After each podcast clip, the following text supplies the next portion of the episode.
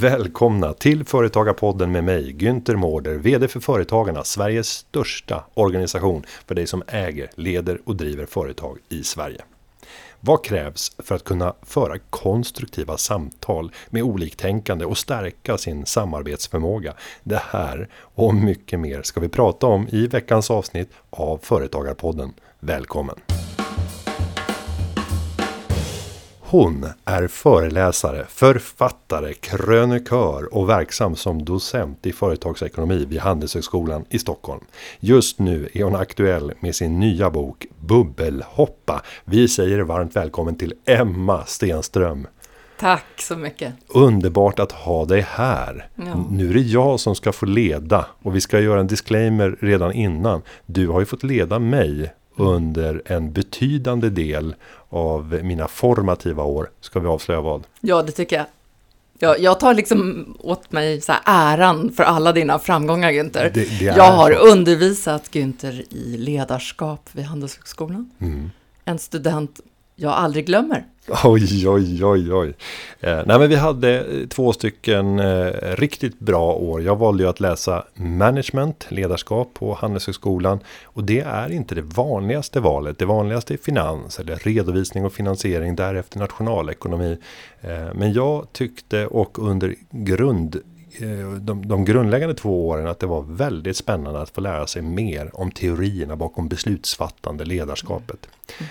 Så där fick vi två år tillsammans i olika konstellationer. Och jag har haft mycket glädje av eh, många av de stunderna som innebar också lite annorlunda undervisning. Vill du berätta, hur tänker du rent undervisningsmässigt om du ska jämföra med kollegorna inom andra typer av inriktningar? Svår ja, fråga kanske. Svår fråga. Eh, nej men för det första så tycker jag att det är så vansinnigt roligt att vara lärare. Det är verkligen min första identitet alltid. Jag är fröken, handelsfröken, mm. så brukar jag presentera mig.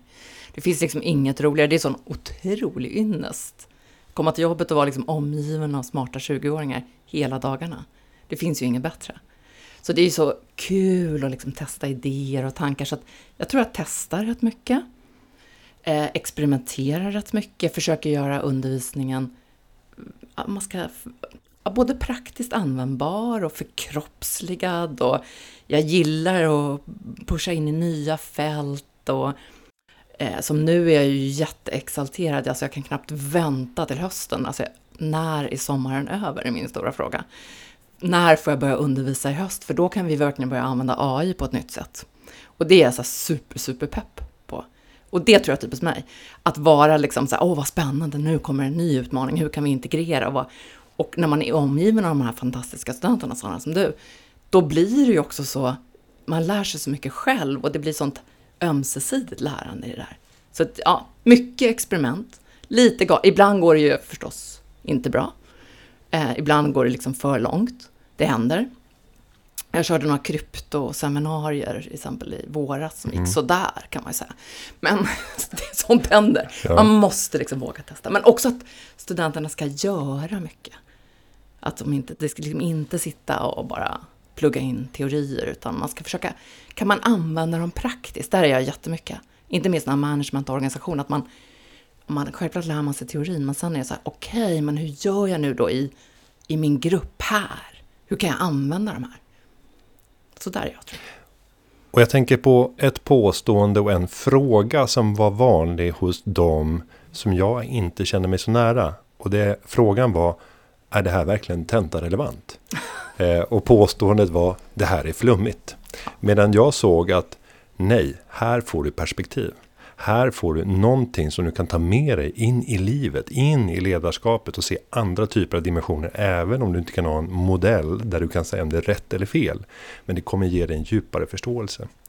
Eh, men jag tror att det var en fördel, i vart fall för mig, att jag hade några år mellan att jag började plugga eh, på, på Handels efter gymnasiet för man märkte att de som kommer direkt är så vana vid att det bara ska vara det tentarelevanta, men det ska vara rätt eller fel. Mm. Men när man har fått ett andra perspektiv så hjälpte det oerhört mycket. Mm. Ja, men och så är det fortfarande. Jag, precis det du uttrycker, och det möter jag ju rätt ofta det här, just det flummiga, är inte det här flummigt och så. Mm. Men, eh, och jag tänker ofta att det är så, farligt att tro att det alltid finns ett rätt svar på allting, så som världen ser ut. Det är inte det bästa sättet att träna sig för att verka i dagens samhälle. Att tro att det alltid finns ett rätt svar. Man måste kunna hantera osäkerhet. Så att en del är det faktiskt att utsätta studenterna för det också. Det Osäkerhet. Mm. Om vi tittar på eh, din profil så är den ju också lite annorlunda. Du ger dig in ganska ofta med olika typer av inlägg i samhällsdebatten. Det där är inte överdrivet vanligt bland eh, högdjuren inom akademin. Jag skulle vilja se mer av det, men ditt val, vi kan bland annat läsa dina regelbundet återkommande krönikor i Dagens Industri bland annat. Eh, anledningen till att du har valt att prioritera på det sättet för att nå ut till en helt annan publik än vad som kanske ger akademisk cred. För det är inte det creddigaste har jag förstått. Nej, att vara inte. ute i samhällsdebatten och vara ute i normala dagstidningar som vanligt folk läser. Mm. Och jag älskar det också. Eh, nej men, jag tror att det är ett rätt medvetet val. Nu ska jag säga att jag är väldigt, väldigt gynnad. Därför jag är ändå docent. Och jag har till och med något som vi kallar för tenure. Det betyder en livslång anställning eller något sånt där. Eh, men jag har medvetet också valt att inte försöka nå högre. Jag kommer aldrig bli professor. Det vet ju jag. Men det är ingenting jag riktigt strävar efter heller. Det är inte det som driver mig. Så att då har jag liksom valt bort att nå högsta nivån för att istället kunna nå ut bredare. Därför det, jag tycker, alltså jag tycker det är jätteroligt med forskning också. Men jag kan tycka att det är svårt när man sitter och skriver en akademisk artikel som tar typ ett halvår att skriva. Eh, och så når den fyra personer i genomsnitt. Mm. Det är rätt svårt tycker jag. Det är svårt att motivera. Alltså, ibland måste jag göra det, så jag gör det ju ibland. För det är såklart man behöver också få det liksom inomvetenskapliga beviset för att saker och ting funkar. Just nu ser jag lite fram emot sådana faktiskt artiklar och sådana studier. För nu har jag varit så väldigt mycket ute. Men jag har svårt att tänka mig att enbart göra det. Det skulle jag inte kunna. Jag skulle inte klara det. Jag känner att det skulle kännas som en bortkastad tid. Självklart så drivs jag ju av att nå bredare också för jag tycker det finns så fantastiskt mycket forskning. Och så otroligt bra forskning. Och jag har sådana här fantastiska kollegor men som inte är lika intresserade av att kommunicera utåt. Så att, kan jag hjälpa till att översätta forskning och nå ut bredare? För att nästan alla mina kröniker har ju någon slags forskningsbas trots allt. Eh, och det tycker jag är, då är det mitt uppdrag. Och, och, så tycker jag att alla organisationer behöver olika typer av människor. Där är jag rätt bra. Och sen har jag fantastiska kollegor som är jättebra på det rent akademiska. Så vi kompletterar varandra. Och nu ska vi kasta oss in i det som har varit en av dina bubblor i livet, det vill säga att skriva bok. Ett enormt eh, jobbigt projekt att ta sig an. Jag har själv varit där under vårens kvällar och helger. Eh, och nu har du förlöst den här boken Bubbelhoppa. Berätta, varför har du skrivit boken? Ja, varför jag skriver... Ett, eh, första låter ju så konstigt, vad då bubbelhoppa, vad är det? Och det låter lite oseriöst. Ibland när jag pratar i näringslivet brukar jag prata om perspektivtagande och sådana saker istället. Det handlar väldigt mycket om att se andras perspektiv. Förstå andras perspektiv och göra sig själv förstådd också förstås. Men få bredare perspektiv på tillvaron. Och bubbelhoppa är det mer lekfulla namnet för det. Att ta sig ur de här sammanhangen där man nästan alltid är. Och de är ju många förstås, ingen är ju bara något sammanhang, men man är i ett antal. Men också verkligen vara så här, ja ah, men något som man inte alls kan eller förstår eller kanske har fördomar emot eller är nyfiken på. Så eh, att hoppa ur sin bubbla och besöka en annan bubbla. Och sen får man självklart stanna i sina bubblor också, men ibland för att vidga perspektiven, förstå andras perspektiv. Eh, det är bubbelhoppa. Och jag, jag har jag hållit på med det jättemycket när det kommer till konst och ekonomi. Det har jag gjort i massa år. Eh, och älskat till exempel att föra, fram, föra samman cirkusartister och handelsstudenter. Där, eller vara halva dagen i stålindustrin och andra halvan i cirkusen. Jag gillat det där själv. Jag var många år både på Handelshögskolan och på Konstfack. Alltid tyckt att de där perspektiven har, det har gett mycket. Allra roligast att föra samman människor från olika grupper. Så det har jag på med jättelänge. Och sen så hittade jag det där begreppet bubbelhoppa för jag tyckte att det var lite roligt. Eh, men haft rätt mycket diskussioner med förläggaren om det där. Eh, och sen så tänkte jag, ja men om man ställer samman, alltså vi kan se så här, på ett samhällsplan kan vi se att att vi inte alltid möts mellan olika grupper och att vi upplever att sammanhållningen går ner. Det finns rätt mycket forskning om det. Eh, det finns också något som vi ibland kallar affektiv polarisering, det vill säga att vi blir förbannade på de som tycker annorlunda. Eh, vi ser det i organisationer, det kan uppstå stuprör, man pratar inte med varandra mellan avdelningar. Eller vi kan ha nytta av det som individer bara för att bredda perspektiven. Jag tänkte som alla de där orsakerna gjorde ändå så här, men kan man ställa samman forskning om hur man kan få de här mötena att bli lite enklare? Eh, och sen testa det. Och sen har jag testat det här på 2000 pers. Eh, som har fått hoppa och möta folk ur andra bubblor och kommit tillbaka och berättat och skrivit om det. Och så har jag ställt samman den här boken. Bara för att inspirera till det egentligen. Det är egentligen min enda syfte. Det är så för att jag har sett att det har gett mycket. Jag har gett mycket till studenter, gett mycket till chefer i organisationer, gett mycket runt omkring och till mig själv. Kan man då liksom uppmuntra och göra det lite enklare? Därför boken. Och om man ska förstå som småföretagare, så vilken glädje och nytta kan jag ha mm. av att ta del av de kunskapsvinster som vi kan skörda genom de här 2000 olika människornas möten och bubbelhoppande? Jo, men då tänker jag att det är rätt enkla som vi började med, eller som du började med. Så här, förstås sådana klassiska saker som samtalsfärdigheter som man tränar. Eh, det har man ju nytta av när det kommer till att förstå kunder som kan se väldigt olika ut. Kanske, man kanske har medarbetare, man kan ha politiker man behöver relatera till. Det kan vara egentligen vem som helst, kanske leverantörer eller egentligen alla typer av intressenter. Eh, så har man klart nytta av att verkligen försöka förstå andra perspektiv. Men också för att tänka nytt. Jag kanske håller på med eh, någonting, en tjänst eller en produkt som skulle kunna ha en funktion någon annanstans. Och lyssna in andra perspektiv. Alltså även där har man ju nytta av det. Så det är ju, och sen har man faktiskt nytta av det privat, bara i sina relationer generellt. Eh, så... Ja, är, det, är det inte absolut tuffast allra närmast när det gäller förståelsen för sin respektive eller för sina familjemedlemmars perspektiv på den fråga som jag har för näthinnan. Det är oftast där man ser de starkaste schismerna. Sen mm. har vi väl en högre acceptans eh, och tolerans för att faktiskt uttrycka våra känslor på ett annat sätt där. Ja, absolut. Och, ehm, och konflikter, jag säger ju också att konflikter är lite bra. Mm. Jag, tror, jag tror det vore jättetrist om man inte hade dem. Så att jag är inte heller så rädd, man, men man kan ju bråka bra och försöka hantera dem produktivt. Och just för att man kan förstå, då finns det ju en massa så här, den här boken innehåller ju en massa sådana här knep. Alltså allt ifrån att, eh, nu behöver inte du dela med dig av någon konflikt du har, men, men du har en konflikt hemma, men det kan ju verkligen vara på jobbet också. Pröva du sätta dig verkligen eller ställa dig i den andra personens skor. Mm. Pröva att istället för att, om du och jag skulle tycka väldigt olika om någonting, då kan du pröva att upprepa mina argument och jag prövar att upprepa dina argument. Kan jag få dig att, liksom, att låta så trovärdig? Eller kan jag låta så trovärdig så du känner igen dina argument och tvärtom?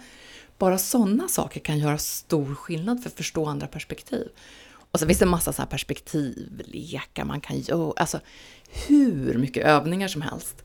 Och jag tror att de kan hjälpa. Men egentligen kanske man, innan man hamnar i de där konflikterna, kan man backa lite tillbaka och tänka hur pratar vi med varandra? Lyssnar vi? Frågar vi?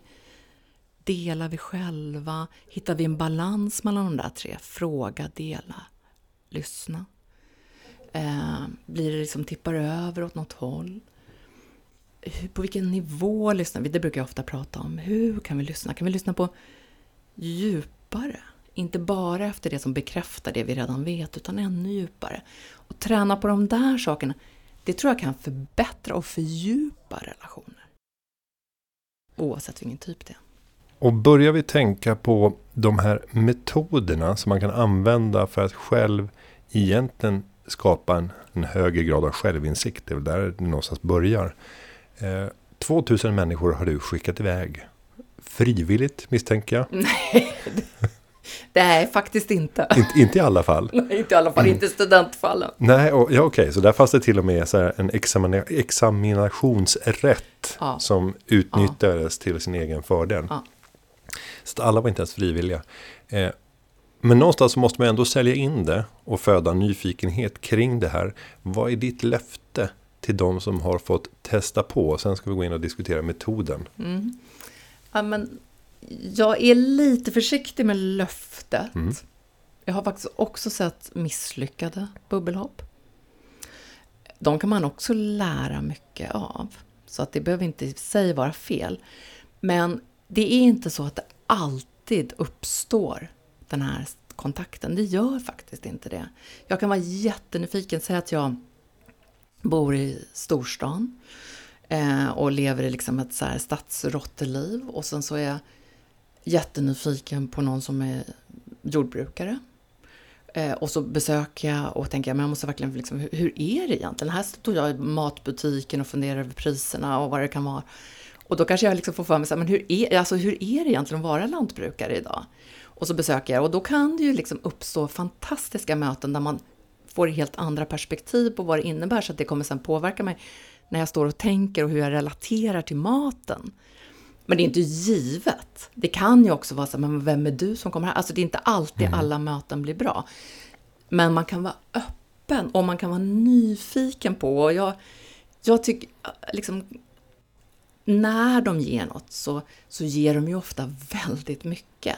Och det finns jättemycket forskning kring det här, att vi liksom vi har en tendens att tro att det ska vara obekvämt att möta någon som kanske kommer och sysslar med någonting helt annat än vi själva gör.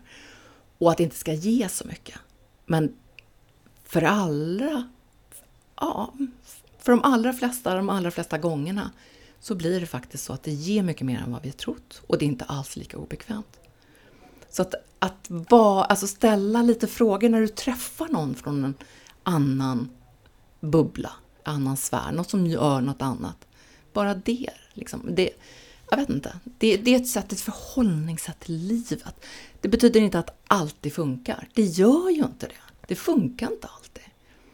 Ibland fastnar man i så egna fördomar eller jag har studenter som har blivit jättearga. De har så kommit från olika politiska läger och liksom slängt igen dörren och rusat iväg. Alltså det är inte alltid det funkar. Men ett generellt förhållningssätt till att alla du möter har något att lära dig och du har något att lära. Alltså, det är rätt. Ja, du kommer få några fullträffar på det med det förhållningssättet tror jag. Och börjar vi tänka så, att vi har någonting att lära av alla vi möter. Just metoden för att passera den där tröskeln som finns och som kanske det är kanske mina fördomar, men den tröskeln som är lite högre i Sverige och gärna i den stora staden eh, och ta sig förbi utan att det känns konstigt att kunna inleda det där samtalet. Vad har du för tips? Vad finns det för metoder att tillgripa? Tvång var det vi började. Ja. så här, studenterna tvingas att göra det. Det är, liksom en, det är en bra metod. Om man inte tar till tvånget utan faktiskt lite mer frivilligt försöker åstadkomma det här. Ja, men så, det har alltså lite så här utmaningar. Eh, faktiskt eh, lo, lite löften till sig själv. Men idag kanske ska prata med tre personer jag inte har pratat med tidigare. Eller kanske så här, idag ska jag prata med den här personen jag ser varje dag, men som jag aldrig mer... Jag går bara in och beställer en kaffe om vi är i storstan. Jag bara, men jag pratar, jag vet ingenting om människan som gör mitt kaffe varje dag. Kanske byta några extra ord. Det behöver inte vara så stort, tänker jag. Utan i de här liksom rätt små bara prata om man är på jobbet.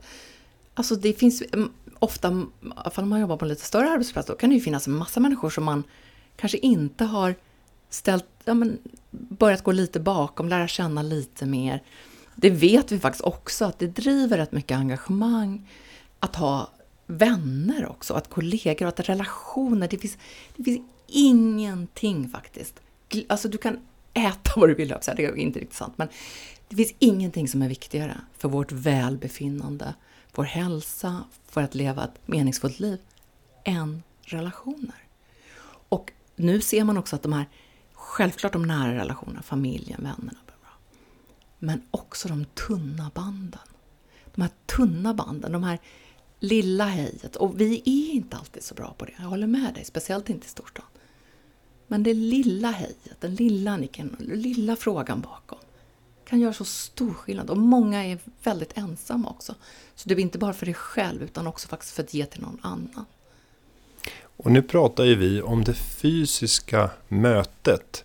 Och sen tittar vi hur vi har disponerat om vår uppmärksamhet och hur den har gått från att faktiskt möta andra människors blickar och ansikten och kanske tidningspapper i viss utsträckning till att idag ha skärmen som mm. den främsta eh, egentligen ytan för att nå världen, för att kommunicera, bygga relationer. Om du får sätta skärmens totala betydelse för våra liv idag kopplat till det här med bubbelhoppa mm. och att faktiskt skaffa sig perspektiv. Har det fört oss framåt eller bakåt? Ja, det är en bra fråga. Eh, det, de flesta skulle nog säga att det har bidragit till att skapa polarisering eller så affektiv polarisering som jag brukar prata om. Eh, filterbubblor pratar vi om, att vi kaninhål och allt vad det nu kan tänkas heta. Eh, att vi möter mer likasinnade. Eh, och att vi förlorar någonting, vi blir blyga för varandra och så här. Men jag skulle nog ändå vilja... Jag kan ju aldrig bara vara pessimist. Jag måste tänka att det finns också goda sidor. Och det är ju också möjligheter. Jag har en sån här app själv, en gratis app. Där kan jag bli uppringd så här, varje lördag klockan två. Då kommer det så här slumpmässigt samtal från någon människa i världen. Vad är det här? Det är en app som heter Dial-Up. Som ja, är, roligt. Ja, och då bara signar man upp och så får man liksom bara, då ringer, ja men då kan det vara någon i Lagos mm. så här, som ringer och pratar. Och så pratar man en stund och sen så, ja, så hej då, mm. lägger man på. Eh, och en annan sån här grej som jag faktiskt i morse stötte på, jag tyckte det var fantastiskt, jag pratar, i boken skriver jag om eh, att ha så utmaningsgrupper, att man, träff, man sätter samman människor som faktiskt utmanar en och kommer med olika perspektiv. Och då var det en kille som är programmerare. Han hade gjort en sån på, i en AI-tjänst. Så att när man på morgonen, innan jag till exempel, om jag skulle använda den, skulle jag kunna vara så här, nu ska jag föreläsa om det här. Och så, så programmerar jag in, kan du ta upp liksom, hitta på tre olika karaktärer som kommer ha helt olika perspektiv på den här föreläsningen. Eh, vad säger de? Och så får jag tre helt så invändningar eller kritik eller någon annan aspekt eller vad det kan vara. Och det är ju också ett sätt att faktiskt också vidga sina perspektiv digitalt. Eller kunna connecta på olika sätt. Det finns här, jag menar något som heter Europe Talks brukar det vara. Eh, där blir man, då testar de ens värderingar på olika sätt och så blir man ihopparad med någon som har motsatt värdering om en, en specifik fråga från ett annat land. Och så får man mötas en timme och snacka. Så man kan utmana sig själv digitalt också i allra högsta grad. Ja, för är, jag tänker att det är en möjliggörare. Verkligen. Eh, och det öppnar dörrar som tidigare annars hade varit helt stängda. Att få det där samtalet från Laos eller att bli utmanad av en oliktänkande från en annan del av världen. Eh, möjligheterna måste ju vara långt mycket större idag än någonsin tidigare. Men också, men också farorna med de här bubblorna och algoritmerna som förstärker och visar upp det vi vill se. Ja. Det ställer ju krav på oss själva på ett annat sätt. Men, men, men samtidigt så finns det, jag håller helt med, många möjligheter. Men om vi går tillbaka till det fysiska och så ställer vi det i den tiden som vi lever i idag. Vi får kalla det någon typ av postpandemiperiod. Och mycket har börjat gå tillbaka hur det en gång var. Eh, andra saker har blivit någonting nytt. En sån sak det är ju synen på arbetets utförande. Först och främst i rum. Men också i tid. Mm. Där jag upplever att arbetstagare, om man ska använda det konstiga begreppet, tycker jag. Någon tar arbete och någon ger arbete. Ja. Men om vi säger med, medarbetare har vant sig vid att ha fått en högre grad av rättighet att kunna få disponera över arbetets utförande både i tid och, och i rum. Vilket ofta har lett till att på många arbetsplatser där det är möjligt så arbetar många en till två, ibland tre dagar hemifrån och övrig tid på kontoret. Det där minskar ju de fysiska mötena människor emellan. Har du gjort några reflektioner kopplat till den här tiden som vi har trätt in i nu? Och vilka för och vilka nackdelar som det kan innebära?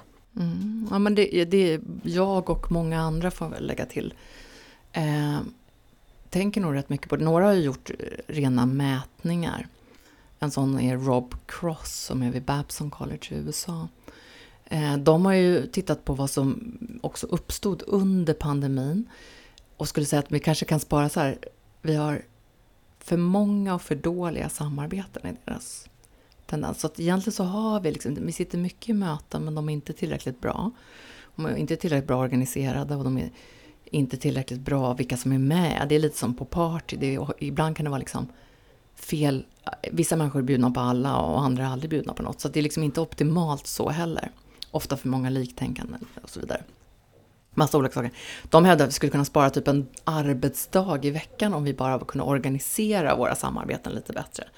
Så det finns verkligen de som har tittat på det. Och, och, och vad vi också ser är ju att eh, nära grupper har fungerat okej. Okay, Medan liksom det har blivit mer stuprör i många organisationer. Det är kanske är lite större organisationer än medlemsorganisationerna. Här, det kan ju också bero lite på så. Jag har stött på rätt många småföretagare, egenföretagare som upplever också att de blivit rätt ensamma. Mm. Att det inte är så givet och så kommer det förstås olika sätt och olika former för att kunna jobba tillsammans och coworking. Men det inte, passar inte alla tror jag. Så det ställer nog också krav. Men jag tänker en sån här organisation, jag vet inte vad du tänker, men där borde det finnas också möjlighet, det är väl det ni gör också, kopplar samman människor så vi kan peer-to-peer -peer learning, lära av varandra till exempel. Där finns ju också potential och det minskar ju samtidigt ensamheten och ökar lärandet. Så att jag tror liksom jo, att... Jag, tänk, jag tänker på de här, ja, de här mötena. För vi, inom företagen så erbjuder vi medlemmarna access till 1900 arrangemang varje år runt om i 250 lokalföreningar. Och då kan man tänka att det är innehållet i de här aktiviteterna som är det centrala i leveransen. Vilket jag tror, att nej, det är en bisak. Det hade kunnat handla om vad som helst. Det vi gör är att vi för människor samman. Exakt. Som alla är företagare. Alla vill lösa problem. Ja. Och de där problemen, de kan lösas enklare om människor för samman. Om man hittar gemensamma nämnare. Eh, men det finns fortfarande en grupp, för jag kan ju se att deltagarantalet på de fysiska aktiviteterna har gått ner Absolut. efter pandemin jämfört med innan. Mm. Men samtidigt så har ju utbudet av de digitalt sända fysiska aktiviteterna som även går ut som en stream. Eh, räknar man in det antalet så har det ju ökat markant. Det. Och det är en livslängd som är avsevärt mycket längre. Jag menar, en träff är över när man går hem. Medan ett innehåll som har filmats kommer att hittas även två år senare. Om det är en hög relevans och, och bra titulerat så att det går att med sökord faktiskt hitta den där sändningen. Mm. Men jag uppfattar att många underskattar betydelsen mm. av det där fysiska mötet. Mm. Genom att säga att ja, men jag tar del av det där via mm. webbsändningen. Och så missar man den egentliga meningen. Ja. Eh, och det där måste vara likartat även om man tänker studievis. Ja. Du, du, du, får möta studenter nu som under två års tid har klarat sig mer eller mindre genom att vara själva. Och sen så erbjuds möjligheten plötsligt att nu ska ni komma till skolan. Det som är egentligen är det verkliga mänskliga mötena. Utbildning kan du få var som helst. Ja. Men mötena människor emellan. Hur resonerar du? Ja men så är det ju verkligen. Jag håller helt med dig. Att, att det är det som, det vet vi ju, att det är ju det som är det allra, allra viktigaste. Det är där vi också lär mest av varandra. Jag tycker att det har varit, precis som du beskriver, så bitvis har det varit lite svårt att komma tillbaka efter pandemin. Vi har drabbats lite av så här social liksom, atrofi, brukar vi ibland kalla det, muskelförtvining. Vi har lite tappat våra sociala muskler, för det är ju förstås kompetenser som vi behöver underhålla hela tiden, precis som allting annat. Så att det är absolut så här, det, det är, jag tycker att det är en ut, jag måste säga att jag tycker att det är lite en utmaning idag. Sen tror jag inte att alla möten behöver vara fysiska. Jag tror att man kan också träffas digitalt och få bra relationer. Det går ju. Men det kräver ju väldigt mycket. Och då kräver det verkligen att det är det som är fokus på att bygga relationerna och inte bara på innehållet. Men, ja, men det, är, det är en utmaning. Ja. Men det, förhoppningsvis, jag vet inte, tar det, tas det över av annat? Att man träffar andra. Det kan ju vara positivt också, jag vet inte. Vet ni det? Vad era företagare gör när de inte går fysiskt på mötena? Nej, det är svårt att, att mäta och stämma av. Mm. Men uppenbart är att man anser att behovet ser annorlunda ut. Mm. Tiden, möjligtvis att man resonerar att, att tiden har blivit än mer kostsam. Mm. när man plötsligt såg hur produktiv man kunde vara när man var isolerad och faktiskt tog bort många av ledarskapsdimensionerna och elementen. Eh, och kanske, vilket kommer bli mer tydligt inom några år, kan utvärdera och se hur slog det här mot kreativitet, ja. mot nytänkande, skapande Precis. av nya typer av problemlösning som sen kunde bygga framtiden. För det är min upplevelse att vi har blivit mycket mer produktiva när vi arbetar på det här sättet. För vi blir inte störda. Men tänk att få vara vd över en organisation med över hundra stycken anställda. Och inte ens behöva träffa. Utan kunna sitta visst, hemma. Kunna visst. skicka ut rapporter, uppgifter, snabba digitala faktiskt. möten. Men vad händer? Mm. Hur skapas kultur i det där? Mm. Hur mm. skapas det där rättsnöret? Hur skapas det där tänkandet som gör att vi tillsammans mm. angriper ett problem från flera olika vinklar? Om vi inte har de naturliga mötesplatserna. Så det, Precis. Ja, men, och det blir så väldigt eh, planerat också på något sätt. Och det uppstår ju ofta saker i lite mer oväntade mm. möten. Och de försvinner ju om vi inte träffas fysiskt, tänker jag. Men kan det, det kan inte vara så att man gör andra saker istället för att träffa... Om man tar till sig kunskap på ett plan och ett annat plan så kanske man är ännu mer engagerad i fotbollsföreningen mm. eller vad det månde vara. Det kan nu, det behöver, nu är jag så optimistisk igen, men det behöver inte bara vara negativt. Det skulle kunna tänka sig att vi faktiskt också hittar andra och det kan ge jättemycket. Men det är svårt i organisationer, mm. jag, måste, jag fattar det, jag skulle vara... Många tvingar väl ändå lite, börjar ju tvinga lite tillbaka medarbetarna, eller? Det är ju den starkaste trenden nu. Den går ju inte i, i den tidigare pandemiriktningen. Nej. Utan när stora företagsledare som oomtvistat får stämpla som framgångsrika går ut med ganska hårdför retorik. Om jag tänker Elon Musk, hans ja, utspel som jag tror formar ändå rätt många andra företagsledares syn och kanske också mod kring vad jag borde göra. Mm. Rätt eller fel. Um, men, men helt uppenbart är att det är en ny tid. Jag tror att en del av den tiden som man inte lägger på resandet. För det ska man också säga har, har förändrats. Ja. Mötena som var under en dag där man flög in, flög ut. Mm. De har minskat väsentligt. Men jag tror att, att familjen har fått mer tid. Mm. Eh, mm. Och det där är ofta någonting som jag får höra från inte minst äldre företagare i slutet av sin karriär. Jag brukar alltid i företagsbesök ställa frågan om du får se tillbaka på din företagarkarriär och göra någonting annorlunda.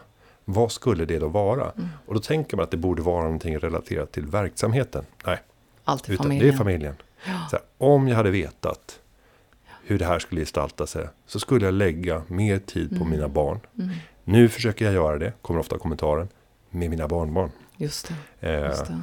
Och då kommer man in där som, som det störande elementet och, och, kanske ska ta igen den där ja pappa eller mamma-rollen som man mm. inte spelade under, mm. under åren. Nej, men den är ju, den är ju absolut, och den, det är ju många som vittnar om att det faktiskt blivit bättre med familjelivet på det sättet nu.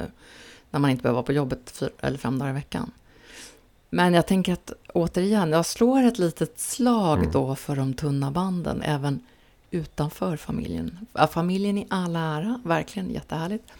Men också, alltså det finns så mycket, vi pratar, vi brukar prata om socialt kapital här. Och då pratar vi om både det som är det bindande sociala kapitalet som är de här tjocka banden som vi har till våra nära som är jätteviktigt. Men vi vet att ska vi bygga motståndskraftiga organisationer och samhällen då måste vi också ha det som kallas för bryggande socialt kapital. Det vill säga byggband mellan olika grupper. Så att det är liksom inte glömma de tunna banden. Eh, hitta liksom sätt också vidga perspektiven utanför. Familjen kan ha olika perspektiv och man kan träna på att bråka bra, en massa olika saker. Vi behöver också komma lite utanför tror jag. Inte minst för Sveriges skull. Jag är ju väldigt, kan säga att jag är ju väldigt fixerad vid frågor som hur bygger vi ett starkt samhälle på sikt? Och jag är jätteoroad när jag ser Demoskops undersökningar där inget område har utvecklats sämre än upplevelsen av sammanhållningen i samhället. Det tycker jag är jätteallvarligt. Jag tycker det är jätteallvarligt att områden ser så olika ut, att förutsättningar blir så olika. Där, där vill jag liksom... Ja, det är mitt, min största oro. Det är där jag verkligen slår ett slag för bubbelhoppandet. Ut ur bubblorna. Ska man hitta ett ord där så kanske det handlar om just tilliten. Att kunna bygga tillit kräver att man kan inta många perspektiv för att på så sätt få en högre både respekt och acceptans för oliktänkande. Eh, men om vi ska konkretisera och tänka nu att vi har lyssnare som har suttit och, och först känt att det var lite flummigt där när oh. Emma och Günther pratade. Men, men det ligger ändå någonting i det. Jag kan fatta, om jag börjar tänka business, att det är bra mm. att kunna sätta sig in i många olika perspektiv. Så jag skulle nog vara redo att testa. Mm. Om vi tar den här småföretagaren nu. Om vi får vara administratörer för den här utmaningen. Mm. Hur ska vi formulera utmaningen till lyssnaren? Har småföretagaren anställda? I vissa fall, i de flesta fall inte. Eh, I de flesta fall så är, ju, är det en soloföretagare. En soloföretagare. Mm. Mm. Du sitter där ensam nu och lyssnar. Ja, sen Då... är man ju alltid i någon typ av kontext. Mm. Det är nästan ingen som Nej. sitter isolerat ensam. Utan det finns ju alltid stora nätverk. Den här ja. nätverksekonomin har ju utvecklats Enormt. väldigt. Och även i det fysiska rummet. Ja. Som inte fanns tidigare. Ja. Eh, men vilka utmaningar ger vi? Nej, men ska vi, vi börjar lite enkelt ändå mm. tycker jag. Vi tycker vi börjar i det här nätverket som du beskriver. Är inte det en bra vi kan börja i företagarna, de är medlemmar i Företagarna. Just, så de har vi har en organisation. 60 000 andra företag, de har 1900 träffar att gå på. Ja. Spelar det här någon roll? Det, det är inte det Men vad gör ni, förlåt, nu blir jag så vad gör mm. ni på de där träffarna då? Mm. Eh, för jag, jag, sitter på, jag går på massa så här samverkansträffar och bla bla bla och internatdisciplinära forskningsprojekt och samverkan, akademi, näringsliv och hej och hå. Och det skapas ju liksom, det är så otroligt lite fokus på, ja men vänta, hur gör vi faktiskt? Hur möts vi? Hur samtalar vi? Utan man går direkt ofta på kunskap och innehåll. Mm. Och glömmer formerna. Så att, låt oss börja med en av era, nu har en träff som mm. är på väg här, Företagarna. Här kommer man, man kommer åkandes dit eller man kommer vara med digitalt. Och de flesta är ju, eh, är ju inte digitalt sända utan överväldigande majoriteten av aktiviteterna är ju i fysisk form. Ja, en frukostträff är rätt mm. vanligt. Då är det från 07.30 serveras det frukost mm. och så en halvtimme bara mingel. Mm. Och det kan man ju nyttja väldigt olika. Mm. Eh, och man kan komma dit med någon man känner och man kan också välja att komma dit ensam och agera helt annorlunda. Sen kommer det någon typ av kunskapsinnehåll, någon leverans mellan 8 och 8.45 och därefter så är det någon allmän frågestund, kanske fram till nio. Och sen brukar det finnas möjlighet att hänga kvar, kanske en halvtimme. Eh, men hälften är så stressade som mm. försvinner nästan mm. innan det har mm. hunnit avslutat. Mm. Och ungefär så ser det ut på en lunchträff. Om man tittar på afterworks så är det ofta lite friare former, mycket mindre innehåll av kunskapsinslag, mm. en, en, högre mängd av dryck som kan skapa berusning. Mm. Och sen har vi de här näringslivsdagarna som en typisk mm. andra aktivitet. Mm. Där det är någon typ av dagsprogram mm. fyllt av mängder av inspiration och kunskap. Mm. Mellan det, pauser, möjligheter att sitta ner tillsammans med olika. Och sen är det ofta en gala på kvällen. Där man blir placerad och inte kan välja. Ja, just det. Men det är väl, och hur upplevs det? Nej, men det brukar vara väldigt populärt. Ja. Och framförallt i målgruppen företagare som ofta får känna sig rätt ensamma i sin roll. Precis. För du är ensam ja. att vara ansvarig för verksamheten. Och då får sitta tillsammans med andra inom helt andra branscher. Ja, underbart. Och, och det här blir ju din Jättebra. chans att kunna slappna av. När du själv bjuder in till företagsfest. Du har ju ögonen på dig, det är du som är ansvarig. Ja. Du kan inte slappna av riktigt. Mm. Ja, men så det låter ju som jättebra.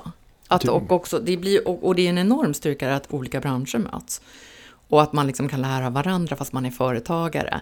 Så att verkligen jobba med den där, kanske ihop, koppla ihop. Och då tänker jag, eh, första utmaningen blir ju på nästa träff ni ska ha mm. nu. Alltså då ska man ju prata med tre personer man inte har pratat med tidigare. Bara bestämma sig innan. Ja, sätta en mm. intention. Mm. Man, det tycker jag är nummer ett, alltså när man går på så här, sätt en intention. Men jag ska prata med tre personer jag aldrig har pratat med. Och eh, som arrangör kan man ju verkligen vara noga med att så här, ingen hamnar utanför. Mm. Man kan ju arrangera lite så här möten. Sen tycker jag det ska vara relevanta saker. Det blir ju, ja, det kan ju vara bra med någon inledande fråga som är väldigt så här, enkel. Men sen så tycker jag också lite relevanta saker och utbyten på olika sätt över tid. Eller har ni provat så här, eh, också faktiskt vara någon som tycker olika i någon fråga? Det är väl en så här tydlig mm. grej som man kunde koppla samman två olika företag. Men den ena tycker att eh, jag vet inte, hemarbete är jättebra, den andra tycker inte det. Så här. Men vad spännande att byta perspektiv då. Då kan man ju koppla ihop dem. Sätta sig och att de får sitta och diskutera. Alltså. Och lite lekfullt, men parallellt liksom träna upp de här förmågorna. Eh, bara, ja, jag tänker också på den här middagen där man sitter. Det är jättekul tycker liksom, att gå på en middag så här. Förutsatt att du inte hamnar bredvid en monologmänniska. Mm. Så där har vi också lite så ansvar allihopa. Så här. Vi, återigen, nu har inte jag varit så bra på att fråga dig idag, men annars så, så försöka balansera lite mellan fråga, lyssna, dela själv. Där får man inte, både eget ansvar men också faktiskt kunna säga till någon om det är någon som bara är en monologmänniska. De är jättetråkiga på fest. Eh, så att där kan man ju träna också på kunskapen och liksom vässa de här samtalsförmågorna. Och hitta olika sätt att föra ihop perspektiv.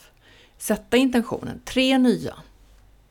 Eh, sätta intentionen, balansera mellan fråga, lyssna, dela när jag sitter på middagen där. Mm.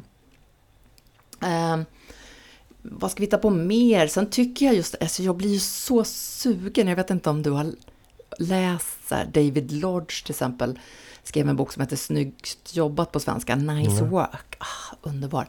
Där satte de ihop så här, företagsledare och en humanist på universitetet. Så får de skugga varandra. Jag vet inte hur mycket sådana saker ni har, men jag tänker era företagare i olika branscher. Mm. Där kan man ju göra någon liten enkel sån, kanske para ihop övning. Om, för de som vill, det kan vara lite frivilligt får jag väl lägga till, även om jag just har slagit ett slag för tvången. Eh, jag tänker också så här, företagare, det är ju en vik, så viktig verksamhet i samhället också. Att eh, det är också bra att träffa folk som inte är företagare och berätta om företag. Det kanske alla gör, men det är också spännande tycker jag. Och där skulle man kunna också, inte bara andra företagare, utan faktiskt också icke-företagare. Det tror jag, stor, större förståelse för företagande, det håller ju du på med opinionsbildning, men jag tror varenda medlem egentligen.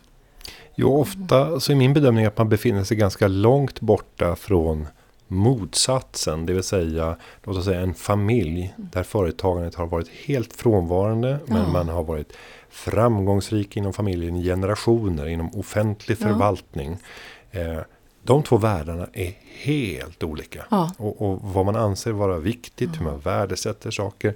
Eh, och de möts väldigt sällan. Ja. Det, det där blir väldigt tydligt inom ett fält. Och det är ju när vi inom ramen för inkubatorer som ofta är som drivhus inom ramen för akademisk verksamhet ska förlösa företagande. Och vi har väldigt svårt att få traditionella företagare som har blivit framgångsrika på sitt företagande men inte har en akademisk bakgrund att se värdet i att komma in Ja. eller ens att känna sig bekväma med att komma in i de akademiska miljöerna som ofta inkubatorerna är kopplade till. Intressant. Och, och på motsvarande sätt lite utmanande tänker jag, även om jag har, har mer av det entreprenöriella perspektivet än det akademiska för akademin att titta på de här företagarna Mm. som aldrig varit i närheten av den här världen och där man ofta kanske då ser upp till dem på ett annat sätt, precis som att de ser upp på de akademiska Absolut. och tänker att det där hade jag aldrig grejat. Nej, absolut. herregud. absolut. De har klarat att bygga sin egen Ja. försörjning. Jag har haft min trygga. Jag, Verkligen. jag har min tenure track här och lyckades få Ja. en, en, ett livstidskontrakt och jag är så Ja. glad över det. Vi behöver de där mötena Verkligen. emellan. Men det är jätteviktigt och det vet vi väl också från mycket forskning att, att har man vuxit upp i en familj där företagarna var så är det ju mycket större chans att man själv Mm. också går in i företagande. Och att det öppnar upp. Eh, jag brukar tänka så här. Min son till exempel, hans pappa är ju för, egenföretagare och företagare alltid. Liksom, han har typ aldrig varit anställd. Eh, jo, kanske någon gång när man var ung, men väldigt länge sedan. Eh, och jag är så tacksam över att min son fick växa upp med en pappa som är företagare. För att jag tror, nu är inte han själv företagare, men jag tror att det han gör, han bär med sig ett annat perspektiv. Och det har han verkligen sin pappa att tacka för. Därför att det har varit, det, det blir som en, hela det entreprenöriella ligger ju också i, även när man är anställd i en organisation. Att ha med det perspektivet. Så att jag, nu blir jag så här e- exalterad och tänker, vi, det här känns ju som en så otroligt viktig uppgift. Och att människor som kanske inte har företagande i sin familj verkligen får möta företagande. Och nu blir jag ännu mer, tänker jag så här, också, jag är ju jättefixerad vid eh, att ah, vi behöver ha in alla på arbetsmarknaden och att vi behöver liksom hitta bra sysselsättning för och verkligen ta tillvara liksom de krafter som finns. Nu kommer du säkert du få massa arga mejl, men eh, jag tycker ju att invandring är en otroligt positiv kraft för Sverige. Och jag ser mina studenter som är fantastiska, eh, som ofta kommer från utländsk bakgrund. Ambitiösa, duktiga, de har inte kontakterna, så de måste satsa allt på att försöka ta sig fram. Och de är många jätteduktiga. Och så tänker jag där, och där tänker jag ofta så här, åh, där behöver vi också företagarförebilder med. Kan vi hitta mer? Där finns ju mm. varenda medlemsorganisation här tror jag skulle kunna bidra också på så sätt till att skapa ett positivt Sverige. Ett starkare Sverige genom att bidra. Ja, men företagande är ju också en möjlighet. Ja, och, och, och där genomförde vi flera projekt under de senaste åren där företagare har fått träffa en person som har anlänt de senaste åren för att bara sätta sig ner och egentligen äta en middag eller ta en fika. Och jag har fått flera vittnesmål om att där så föddes det ett band dem emellan. Och i ett av fallen så har jag till och med hört om att det här blev en framgångsrik ny exportmarknad. För personen Just hade naturligtvis då en ingång i en annan plats av världen och sa att den där produkten som du gör, den saknar vi på vår marknad. Ja. Det finns ingen etablerad aktör. Behovet föreligger. Låt mig få testa. Ah. Och från distans med sitt gamla kontaktnät så lyckas man etablera en helt ny säljkanal på en marknad man aldrig någonsin hade tänkt på. Mm, och, det, och, och, det, var av en person som då inte uppbar något arbete. Hade ingen mm. anställning. Mm. Eh, och det uppstod när det knöts ett band och en ökad förståelse. Precis. Och där man plötsligt började se också affärer i det. Eh, och det, nu beskriver du vad bubbelhoppa handlar om. Mm. Det är ju det här, precis det här. Och speciellt ur ett företagarperspektiv då. Då uppstår också de möjligheterna. Mm. Och samma sak med de kreativa delarna. Titta på det som idag skapar intäkterna i din verksamhet. Hur uppstod idéerna kring det? Det är väldigt få företag som har suttit och skissat på en problemlösning och sagt att det är det här vi ska ta till marknaden. Och så gör man det under de kommande tio åren. Och så tjänar man pengar på det och har försörjning åt sig själv och alla anställda. Eh, utan det flesta idéer blir ju helt annorlunda på grund av alla människor som är inblandade i den här processen och börjar omforma. Och det är väldigt sällan som jag ser en affärsplan för ett företag och kan känna igen det bara fem år senare. För mm. så mycket har hänt. Visst, visst, visst. Bubbelhoppa. Ja, mm. perspektiv. Men nu har vi gett utmaningar till, till våra lyssnare. Ska, är det några fler eller? Ska vi, var vi tillräckligt konkreta? Nej, jag vill jag inte vara flummig här. Jag Nej, men jag tycker att det var konkret och jag tycker vi har gett bra exempel eftersom de flesta som lyssnar är också medlemmar så ni har access till ett fantastiskt forum att börja i. Men glöm inte att alla där bär ju en och samma erfarenhet av att vara företagare. Mm. Och det är klart att det är en väldigt stor skillnad på den som är operasångerska versus den som är hår eh, jobbar som hårfrisör eller mm. vidare till industri. Eh, eller över till handel eller konsult. Mm. Väldigt olika. Men ni bär alla gemensam erfarenhet av att försörja er själva, skapa ert eget och jobb. Det är ju fantastiskt, för det är just det, det brukar vi prata om, det är grundläggande att ha någonting som är förenar. Här är det ju verkligen mm. företagandet mm. bland alla medlemmarna. Men, men och sen olikheterna, och så ta tillvara på de olikheterna. Ja, och, och, där tänker jag som ett, ett sånt där kanske avslutande tips och så får du referera det. Jag försöker ju alltid i möten där jag vill åstadkomma någon typ av förändring där vi förs närmare varandra. Leta efter vilken är vår minsta gemensamma ja. nämnare. Och idag så är det mycket lättare att göra den analysen. Nu ska jag avslöja ett av mina sådär, favorithemliga tips. Och det är att gå in och söka på Spotify efter personens namn om de har ett lite ovanligare namn. Vilket gör att du plötsligt då kan se om personen har öppna spellistor. Ofta utan att veta om det. För det är defaultläget. Och då skulle jag kunna gå in och titta på Emma Stenströms spellistor. Och jag ser dem i rankingordning, så var det i alla fall tidigare. Där jag kan se vilken är det du spelar mest. Och sen lyssna igenom den musiken och försöka hitta olika typer av musik eller artister där det svarar upp mot mig. Mm. Men att hitta någonting nytt. Sen när vi ska ha, ta det där mötet, om jag råkar vara på hemmaplan, se till att ha en högtalare på plats. Se till att spela den musiken som gärna får vara lite udda. Och det är klart att om någon, om jag skulle komma in på ett möte Mm. Och sen är det någon som sitter och lyssnar på Inge Bremnes. Mm.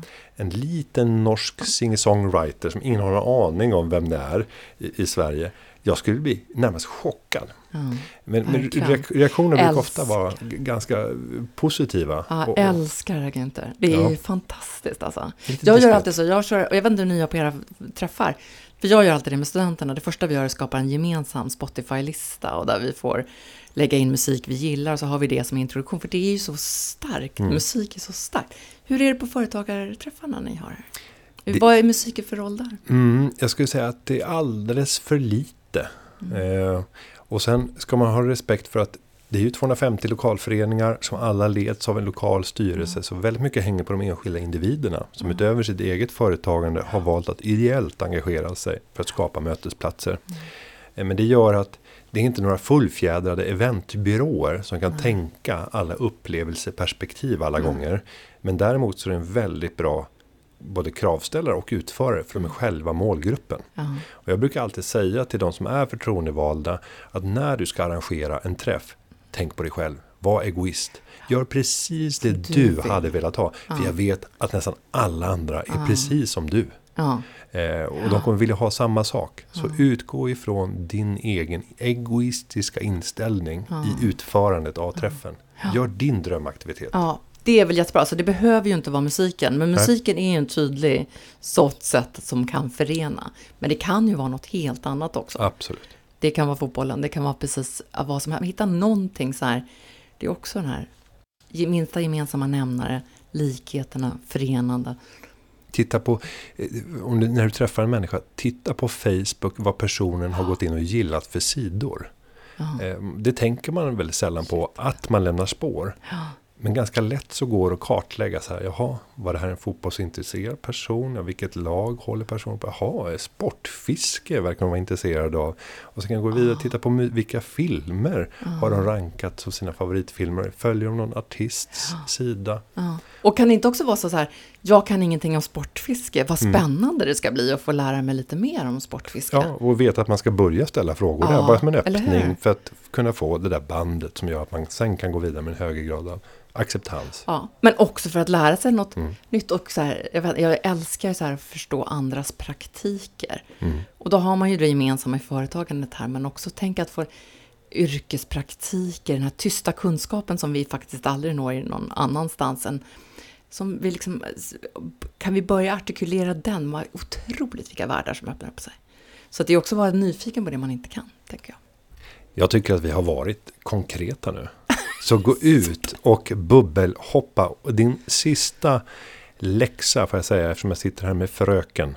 Det blir att läsa boken Bubbelhoppa och inspireras av det 2000 andra människor har fått göra för att skapa den här boken. Förhoppningsvis så kan det ge dig nya perspektiv. Jag vill tacka dig, Emma Stenström, för att du tog dig tid och kom till Företagarpodden och delade med dig av dina perspektiv. Tack så mycket och lycka till! Och jag ska säga att klippningen av den här podden, den är som vanligt gjord av Petra Chu och underlaget är skapat av David Hagen. Vi hörs igen nästa vecka. Till dess, ha det så bra.